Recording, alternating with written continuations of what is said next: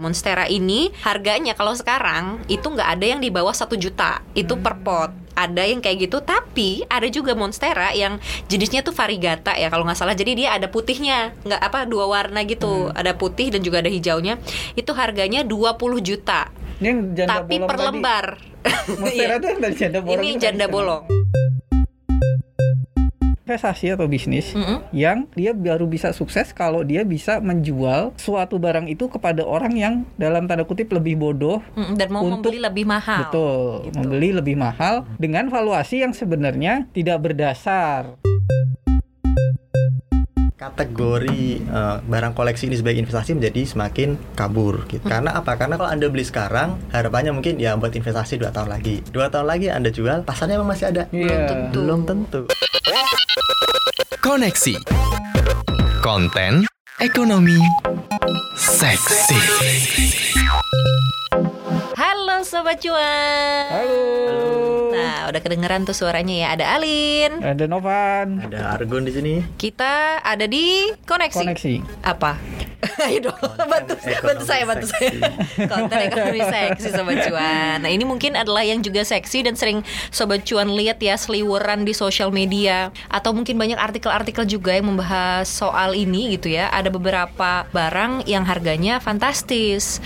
Tapi Mas Novan kemarin abis membaca sesuatu gitu ya Mas Novan ya. Iya. bisa diceritakan gak sih apa sih yang eh, dibaca sama Mas Novan? Di share gitu ke kita dan sobat cuan ya Mas Argun ya. Ya. Iya, kemarin tuh sekilas kayak di refresh lagi mengenai sebuah teori yang dikenal gitu. Mm-mm. Kan fenomena ini tuh orang kalau di sosial media Mm-mm. eh, banyak yang mengkategorikan istilahnya adalah monkey business. Hmm. Nah, ternyata monkey business ini banyak disebut karena memang contohnya pakai monkey.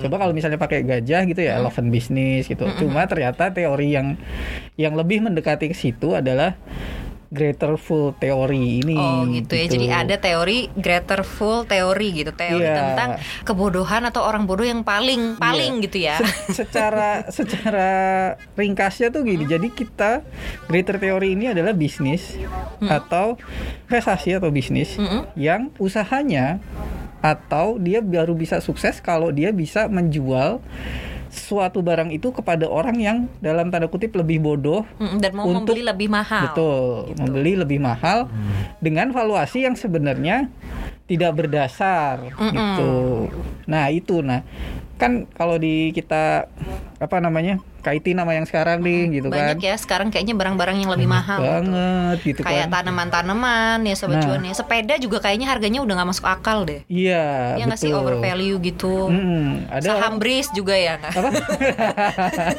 Katanya gitu, kata beberapa yang ngerti saham sobat cuan. bisa jadi itu kalau Udah kalau soal overvalue. saham, bisa jadi sih karena kan perhitungannya jadi Ya. orang wah ini akan ini akan ini nggak taunya ternyata secara Valuasi. valuasinya ternyata Memang. nggak segitu loh ternyata gitu mungkin kita bisa bi- bahas ini nih biar sobat cuan juga nggak terjebak Mm-mm. Masuk ke dalam bisnis yang seperti itu Iya, yang kesannya tuh kayak, oh karena lagi tren gitu ya, ayo kita ikutin, mumpung demandnya tinggi gitu ya, masuklah di bisnis ini gitu kan, Nah. siapa tahu bisa cuan gitu. Tapi ternyata bisnis-bisnis yang kayak gini, ya sempat kita bahas juga sedikit gitu ya di beberapa episode sebelumnya, istilahnya monkey business gitu Iya. kan, yang jualan monyet waktu itu Mas Argun pernah bilang, gitu. Padahal itu cuma tipu-tipu aja gitu ya. Dan Mas Novan juga nemu teori baru gitu ya, istilahnya adalah uh, the greatest fool theory ya Mas Hmm. Novan ya. Nah, jadi sobat cuan supaya sobat cuan tidak terjebak dalam kebodohan itu gitu ya. Ini kita akan bahas lah ya kita obrolin gitu gimana sih memang fenomenanya gitu. Mas Argun gimana sih kalau melihat ini dari sisi ekonomi karena kan kita cuap-cuap cuan ya. Jadi kita membahasnya semua lewat perspektif eh, perspektif materialistis. Mungkin kan sobat cuan kayak ya kan gue ya. hobi gitu ya. Kan gue koleksi gitu. Ini kan memang mahal gitu Ya. atau gue mau bisnisin gitu. Oke, mungkin eh, untuk memahami struktur situasinya ya kita eh, bedah dulu itu monkey bisnis itu seperti apa gitu. Kalau eh, ceritanya itu kan ya itu kalau dipakai istilah uh, monkey ya karena pakainya monyet gitu ya. Jadi diibaratkan ada bos datang ke sebuah desa, terus desanya di di situ dia nyuruh seluruh penduduk untuk jual monyetnya ke dia. Mm-mm. Kalau anda punya monyet, saya beli 10 dolar, taruh gitu. Akhirnya orang-orang pada ngambil monyet di berburu hutan monyet di hutan gratis. gratis dijual dengan harga 10 Mm-mm. Habis itu stoknya eh, menipis kan di hutan kemudian dinaikkan lagi cari lagi saya bayar 20 Mm-mm. cari lagi monyet-monyet sampai habis setelah habis si bos cabut dulu ke kota asistennya datang ke penduduk desa si bos mau beli harganya 30 eh, 50 dolar karena Oh, stoknya naik nggak ada tuh. Mm-mm. naik tinggi tapi kan udah gak ada monyet gini aja monyet yang ada di kandang ini milik si bos Kata asistennya nih ya. Ya, tak jual ke kalian. Nanti kalian jual lagi ke bos. Harganya 50, tak jual 30 aja deh. sama-sama untung gitu ya Sama-sama untung. Mm-mm. Eh, praktik itu berlaku, rakyat desa keluarin duit tabungan tuh beli itu monyet-monyet yang yang dari di, kandang yang ilegal itu. Mm-mm. Dan kemudian dia menunggu si bos datang. Asistennya udah cabut, bosnya gak datang-datang. Mm. Akhirnya yang ada cuma penduduk desa dan monyet-monyet yang berkeliaran. Dengan uangnya hilang monyet gitu ya yang di bawah seharga kabur. luar biasa itu tadi yang 50 dolar yang itu. Nah mungkin kalau si bos itu gitu ya datang gitu, mungkin bos ini memang tahu value-nya monyet ya, sehingga dia berani gitu ya bayar mahal Yes. si monyet ini gitu. Yep. Tapi ketika uh, monyet ini dalam pandangannya si asisten gitu ya hanya monyet mungkin gitu, makanya bisa dijual lebih murah. Hmm. Ya. Gitu sementara kalau value-nya monyet di matanya masyarakat desa, Desa. gitu itu Tidak adalah ada. ah, tidak ada sebenarnya gitu, tapi ada harapan bahwa oh ternyata nih yang nggak berharga buat gue gitu ada Ada harganya yang gitu. bisa eh, seharga ada 50 harapan dolar di situ. akhirnya dia terjebak ikut mencari monyet, ngeluarin modal untuk berburu monyet, Yes. gitu kan, kemudian menjual dengan ekspektasinya harganya Tinggi. tinggi, gitu kan, ya ujung-ujungnya, ya kalau pada saat itu dia masuk ya beruntung dalam tanda kutip beruntung. Ketika ya pasar demandnya masih ada gitu ya. Iya, sama dengan yang teori yang ini kan juga exit, exitnya adalah supaya terjebak dari situ ya lu harus bisa menemukan orang yang lebih bodoh gitu untuk berani beli lebih Atau mahal. kalau bahasa halusnya bukan lebih bodoh Mas Lebih- Novan, tapi lebih menghargai barang itu. Iya. ya. Iya gitu. Iya ya ini bisa dua, dua Eh, sisi gitu nih, bisa dua kan. sisi. karena bisa jadi memang ada uh, praktik fraud di situ untuk menipu tapi ada juga memang bayarnya ada gitu real Demandnya ada gitu ya, memang permintaannya bener-bener ada, gitu. kolektor misalnya kalau dulu kita dengar anturium arwana uh, kemudian aki juga apa itu batu aki Batu, kan batu aki. Iya. Itu sampai dipakai jadi kenang-kenangan ya kalau nggak salah di acara salah satu kenegaraan eh, zamannya Pak SBY. Pak SBY, Iya kan iya. ya. Hmm. Batu apa gitu loh kalau nggak salah. Ya. Jadi memang ada yang menilai itu bernilai gitu ya. Tetapi sekarang yang jadi persoalan sejauh mana kita bisa mengetahui bahwa marketnya itu itu real atau tidak gitu. Karena kalau kita bicara seperti yang di uh, monkey business tadi itu, itu kan bosnya ini dia tuh sebenarnya beneran butuh monyet atau enggak? Oh. Jangan-jangan sebenarnya dia nggak butuh monyet tapi hanya butuh orang untuk uh, beli monyet, Mm-mm. uh, maka dia menciptakan demandnya gitu. Hmm. Jadi seperti sebenarnya nggak ada demand tapi demand itu diciptakan. Pasarnya dibikin sendiri dibikin gitu. sendiri, kemudian ada asistennya dari situ yang ikut bermain. Intinya ya bagaimana agar orang mau uh, menjual dengan harga murah dan kemudian dia bisa membelinya, kemudian di, di di apa dijual ke orang-orang tersebut lagi dengan harga yang lebih tinggi. Setelah itu dia hilang gitu. Artinya emang kayak seperti disebut Mas Novan tadi itu ya ya siapa yang paling bodoh yang belakangan gitu. nah ini bisa terjadi. Tapi bener. mungkin ada juga kasus di mana sebenarnya memang ada demandnya, tetapi demandnya itu dibikin begitu tinggi sehingga valuasinya sudah tidak masuk akal. Hmm. Dan misalnya kita bicara anturium kan dulu pernah uh, booming anturium tahun 2007. Iya. Sekarang pasar anturium juga masih ada. Tetapi, Tapi paling harganya sudah beda jauh kan. ya, Ah. sudah terkoreksi. Dulu kan sempat sampai 750 juta. Miliaran. jangan-jangan digoreng ini. Miliar apa? Ini digoreng Di- ini. kayak saham ya. saham, kayak di kasih komoditas. Cupang, ikan-ikan cupang gitu Iya. kan segala macam gitu kan. Ini kayaknya emang ada yang goreng. Biasanya seperti itu.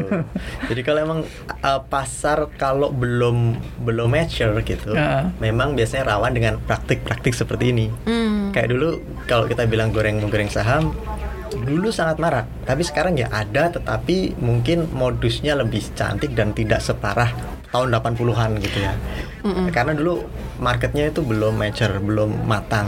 Maksudnya ma- market mature itu seperti apa? Kalau misalnya kita bicara soal seni, barang seni, lukisan, seperti saya bilang tadi itu kan eh, bayangkan lukisan Da Vinci harganya 450 miliar, setengah triliun itu satu lukisan hanya satu kotak gitu.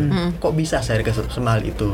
Ya karena memang eh, demandnya sudah ada, pasar yang menentukan harga juga sudah ada. Hmm. Valuasinya itu terukur gitu. Artinya mungkin buat kita nggak ngerti gimana lukisan seindah itu bisa dihargai 450 miliar. Kenapa nggak dihargai 2 triliun misalnya? Atau sebaliknya kenapa nggak dihargai 20 juta? Tetapi di, di, di, di pasar seni ini sudah ada para kurator yang bisa Iya. menaksir harganya gitu. Dan orang-orang yang menaksir harganya pun juga berdasarkan valuasi misalnya dari bagaimana material itu keasliannya Iya. seperti apa, kemudian material mungkin kan kalau zaman ngelukis zaman dulu dengan zaman sekarang kan beda material warnanya dari mana, asal usul warnanya seperti apa. Iya. Itu udah udah saya tahu kayak misalnya yang art gitu segala macam yang harganya memang enggak ketulungan gitu Iya. kan. Berarti ada ukurannya ya, bisa kita bilang ya gitu. Jadi ada kesepakatan bersama gitu di market ini tentang ukuran si uh, value barang ini Iya. gitu. Iya. Ya. Ada wasitnya lah kan kalau misalnya barang seni itu ada kuratornya gitu ya. Kalau kayak berlian atau perhiasan gitu kan Hmm, itu kan ada juga ada tuh juga yang ahli- ahli menilai. me- eh, menilainya gitu. Nah sekarang yang nilai janda-janda eh Janda-janda bolong atau janda-janda terlantar. Kenapa jadi janda? Maksudnya tanaman-tanaman yang sekarang memang lagi booming, anthurium tadi, misal kemudian ada yang sekarang lagi ini kayak janda janda bolong itu segala macem gitu kan. Nah, Monstera lah kita bilang. monstera, monstera. Nah itu kan eh, apa namanya? Mungkin di kalangan ibu-ibu Mm-mm. ya itu biasa tanaman biasa yang memang pencinta tanaman tanam mungkin mereka pun juga kaget kenapa ini tiba-tiba harganya booming. booming Ini gitu gara-gara kan. dede-dede selebgram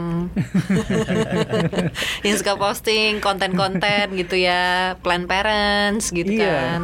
Iya. Maksudnya ini jadi apa ya? Jadi tren gitu. Iya. Kan kalau mungkin kalau ibu-ibu yang memang suka gitu ya, mereka tahu harganya.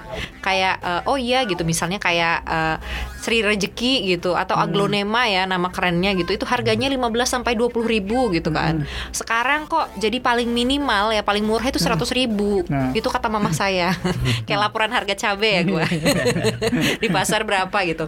Nah, ini eh, mungkin kalau ibu-ibu itu tahu gitu ya karena dari dulu gitu. Mereka tahu eh, pasarnya gitu. Tapi mungkin yang dede-dede trendy gitu atau orang-orang yang baru gemar berkebun zaman sekarang gitu dan mungkin ya kondisi ekonominya eh, le- baik gitu ya berlebih itu sih berlebih gitu. Nah, itu membuat pasarnya semakin besar gitu ya Mas Argun ya. Jadi kayak dan mereka mampu untuk bayar mungkin lebih tinggi dari yang memang orang penggemar eh, tanaman sebelumnya gitu. di teori ini juga menyebutkan sebenarnya memang ada perbedaan gitu ya antara Hmm. eh, lu masuk ke bisnis Greaterful ini dengan lu memang hobi. gitu. Mm-mm. Orang yang biasanya hobi, meskipun di pasarnya kan orang hobi yang sama, punya hobi yang sama ya gitu kan. Misalnya kita punya hobi yang sama gitu kan. Terus gue punya barang yang lebih langka gitu kan. Mm. Jadi kan di situ ada faktor kelangkaan barangnya dari sisi hobi gitu kan kelangkaan barangnya, usia barang segala macem. Kalau kita sama-sama kolektor, misalnya punya gue lebih Mm. tua lebih ini otomatis nilainya akan lebih tinggi. Nah biasanya kalau gua hobi, Mm. gue nggak akan jual itu. Meskipun price-nya mungkin buat orang di luar sana nggak nggak reasonable gitu kan. Ini barang ini dijual sekian gitu. Tapi sesama penggemar hobi yang sama, mungkin mereka berpikir bahwa oh gue nggak, ya namanya gue hobi, gue ngabisin berapapun ada kepuasan tersendiri.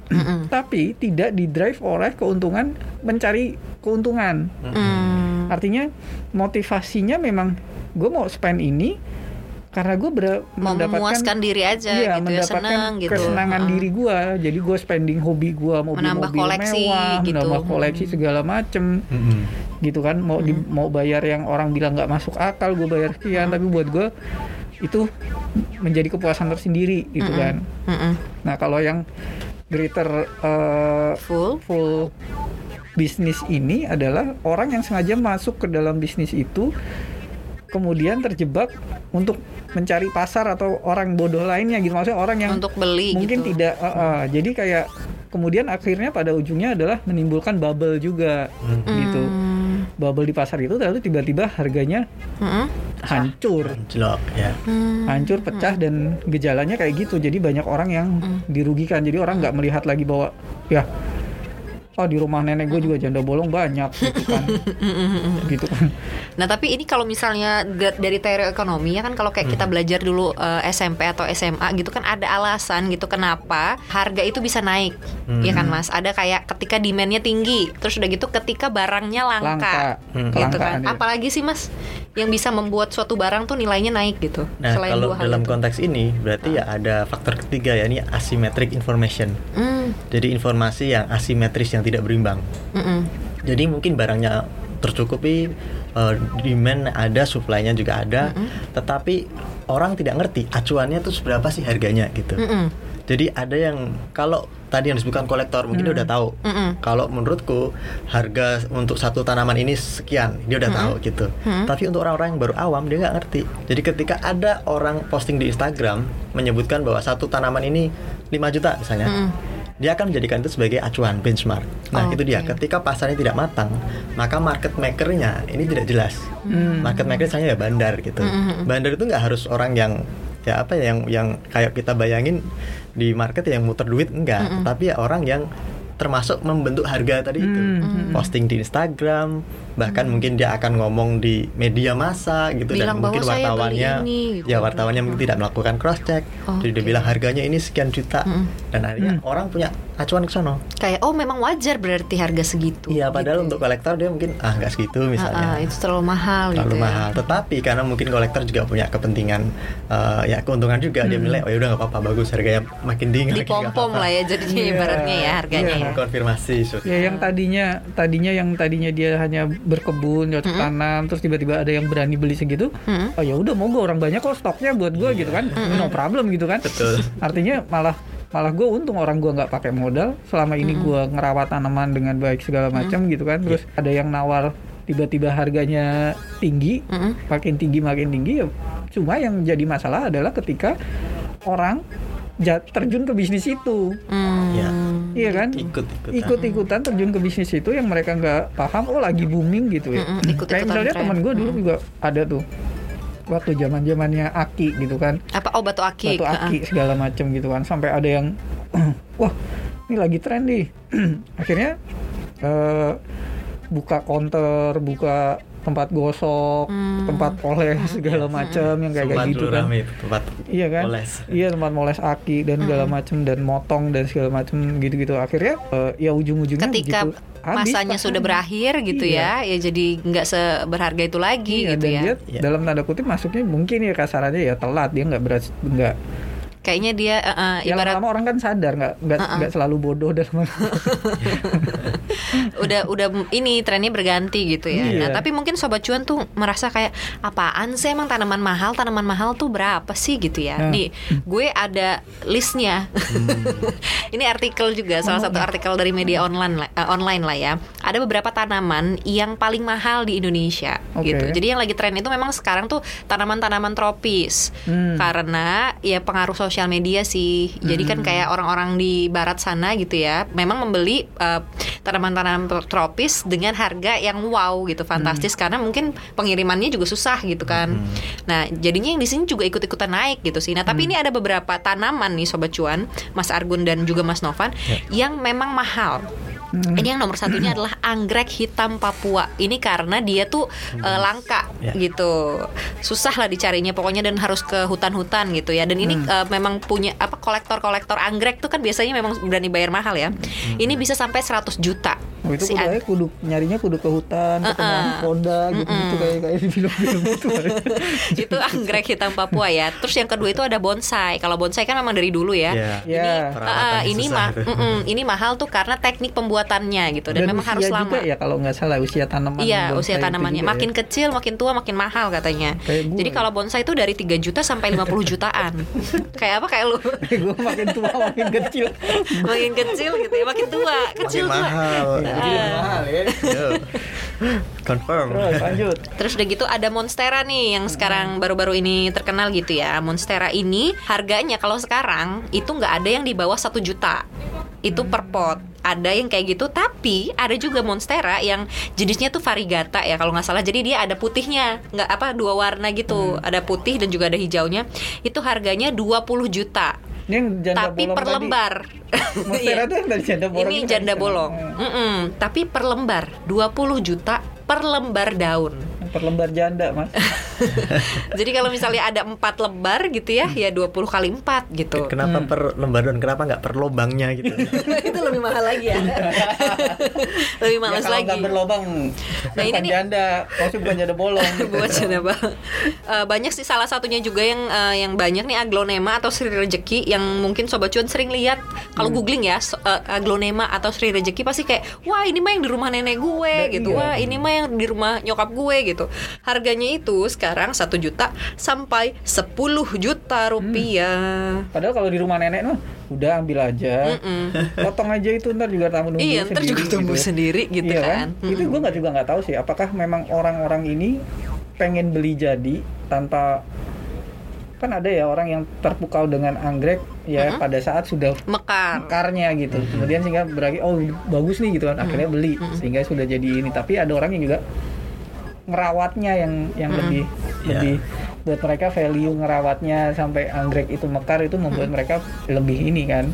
ya. Cuma ada orang yang misalnya ya udah bentuk harganya ya karena udah jadi ya udah gue bayar sekian gitu kan karena saking ininya. maunya instan gitu ya Iya, cuma agak susah sih. Kalau gue sih personal agak susah juga dicerna. Mm. Tapi kan eh, Mas Argun gini ya, kayak mungkin kalau misalnya sobat cuan yang memang gandrung terhadap hal ini gitu ya, atau barang ini gitu, entah itu sepeda, ikan, eh, apa lagi namanya tas mungkin ya ada yang kayak gitu terus eh, tanaman gitu Eh, mungkin mereka akan merasa kayak it's okay gitu untuk mengeluarkan sejumlah uang yang mungkin kalau orang lain berpikir itu overvalue gitu nah tapi bagaimana sih caranya kita mengenali gitu ya kalau misalnya ternyata kita adalah pelaku nih eh, Mas Argun bagaimana kita mengenali bahwa satu barang ini gitu atau satu tren ini tuh over overvalue gitu Ya, dan tend to be apa tadi greaterful. Heeh. Oke. Ya ini aja.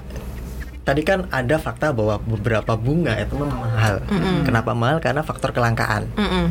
Patokannya itu. Mm. Jadi kalau barangnya itu memang langka dan Anda ingin menekuni itu, ya memang akan butuh modal besar, tapi marketnya juga terjaga.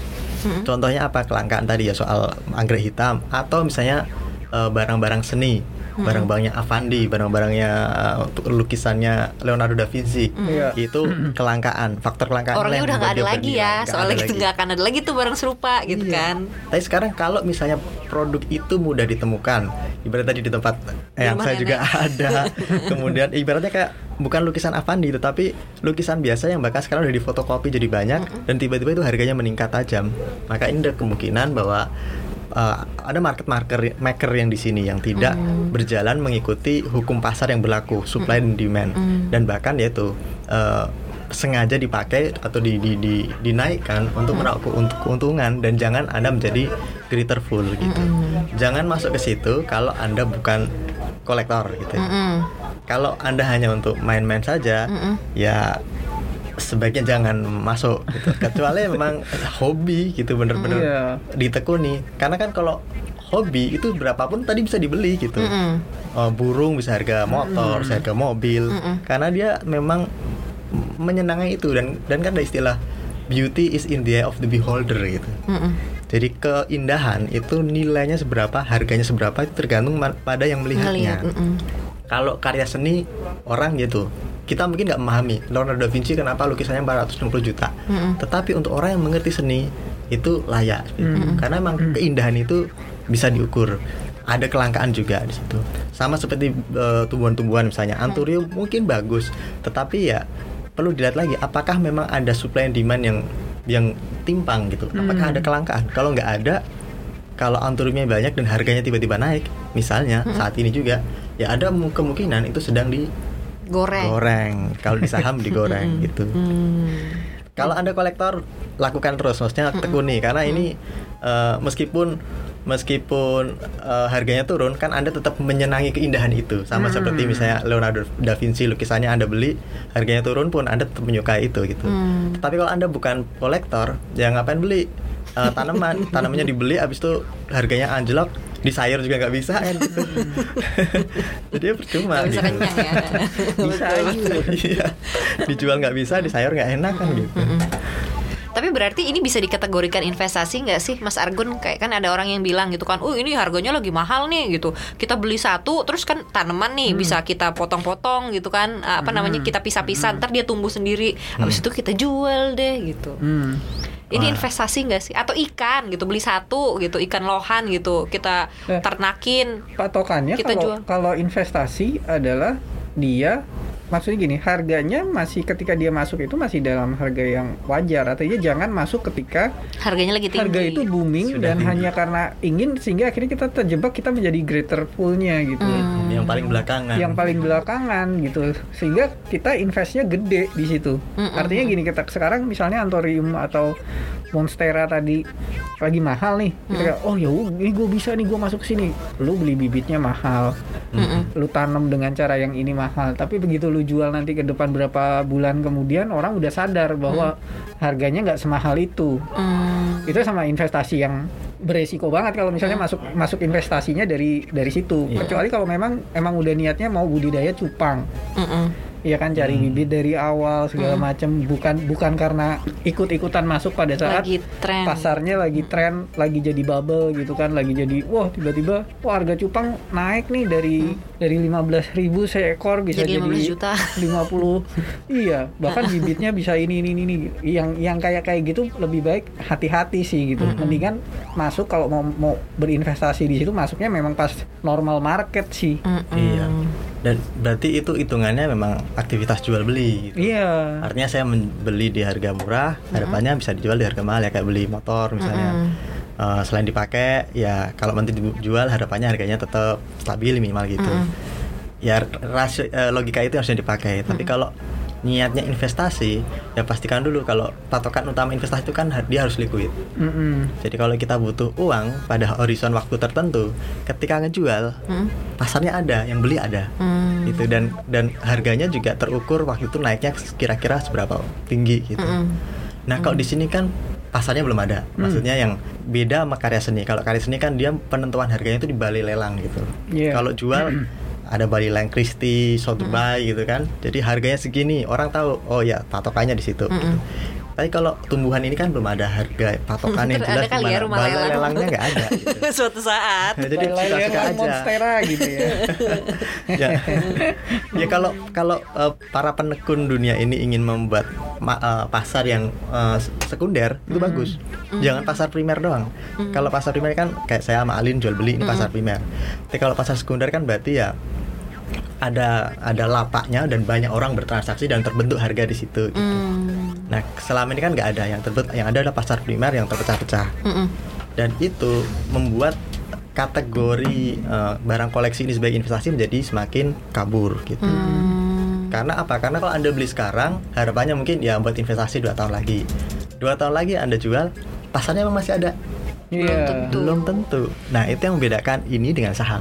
Oke. Saham anda jual dua tahun lagi, tiga tahun lagi, pasarnya ada lagi. Hmm. Deposito misalnya, jelas ininya apa eh, horizon investasi dan ekspektasi returnnya akan berapa.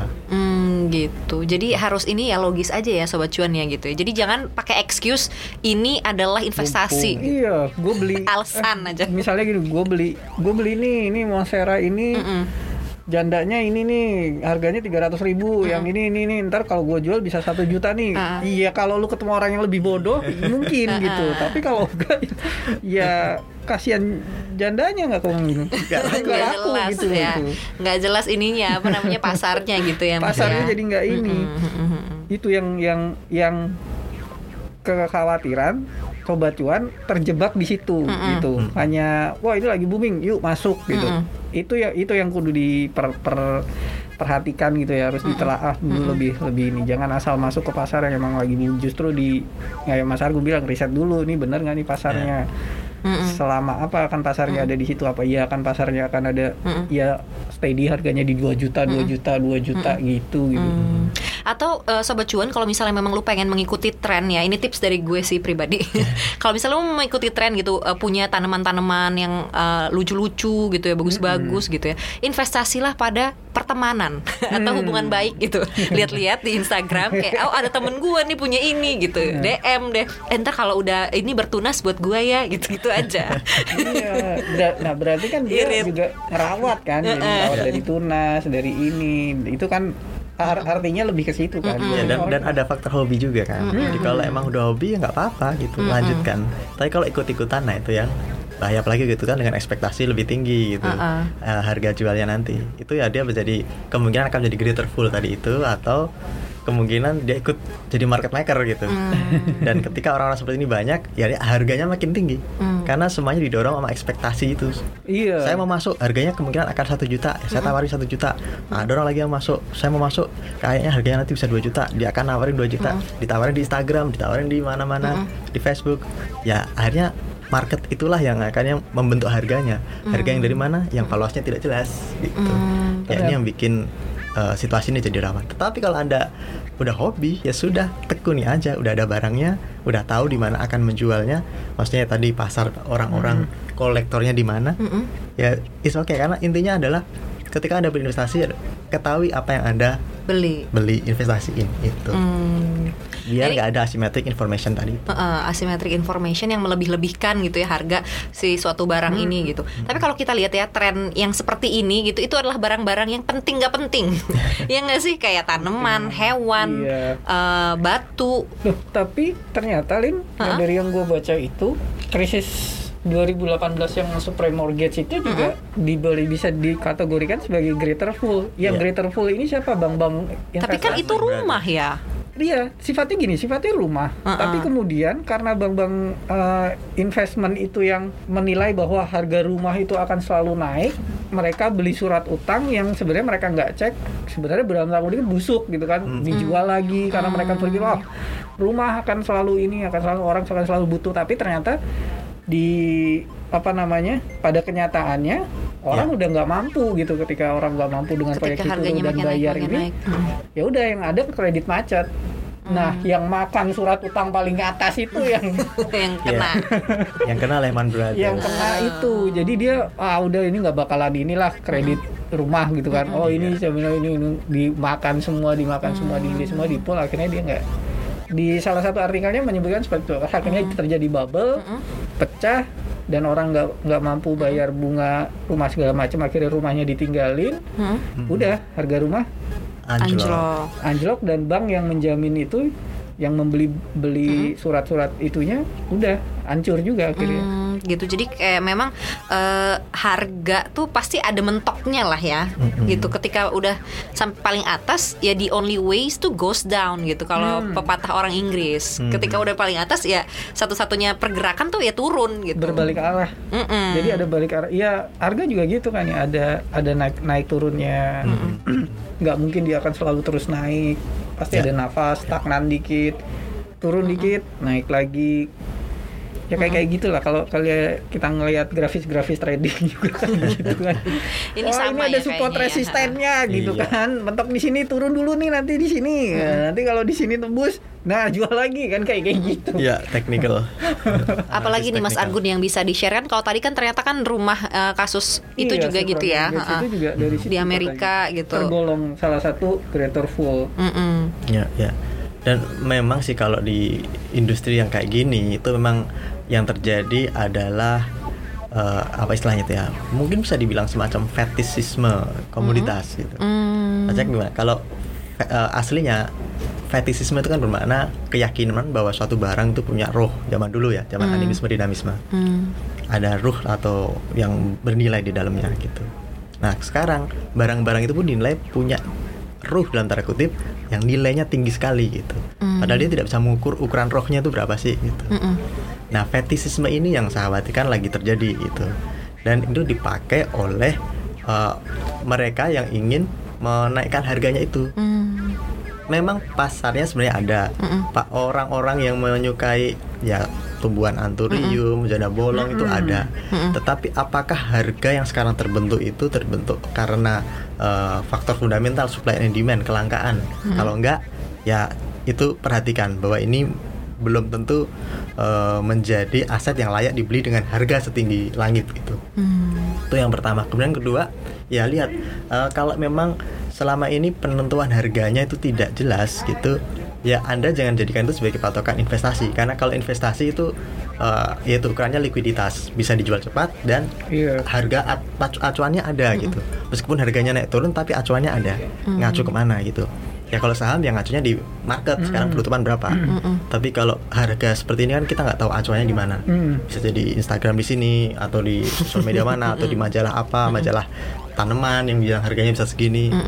Ya menurut saya eh, kalau emang tidak punya minat hobi di situ, ya jangan masuk ke sana. Gitu.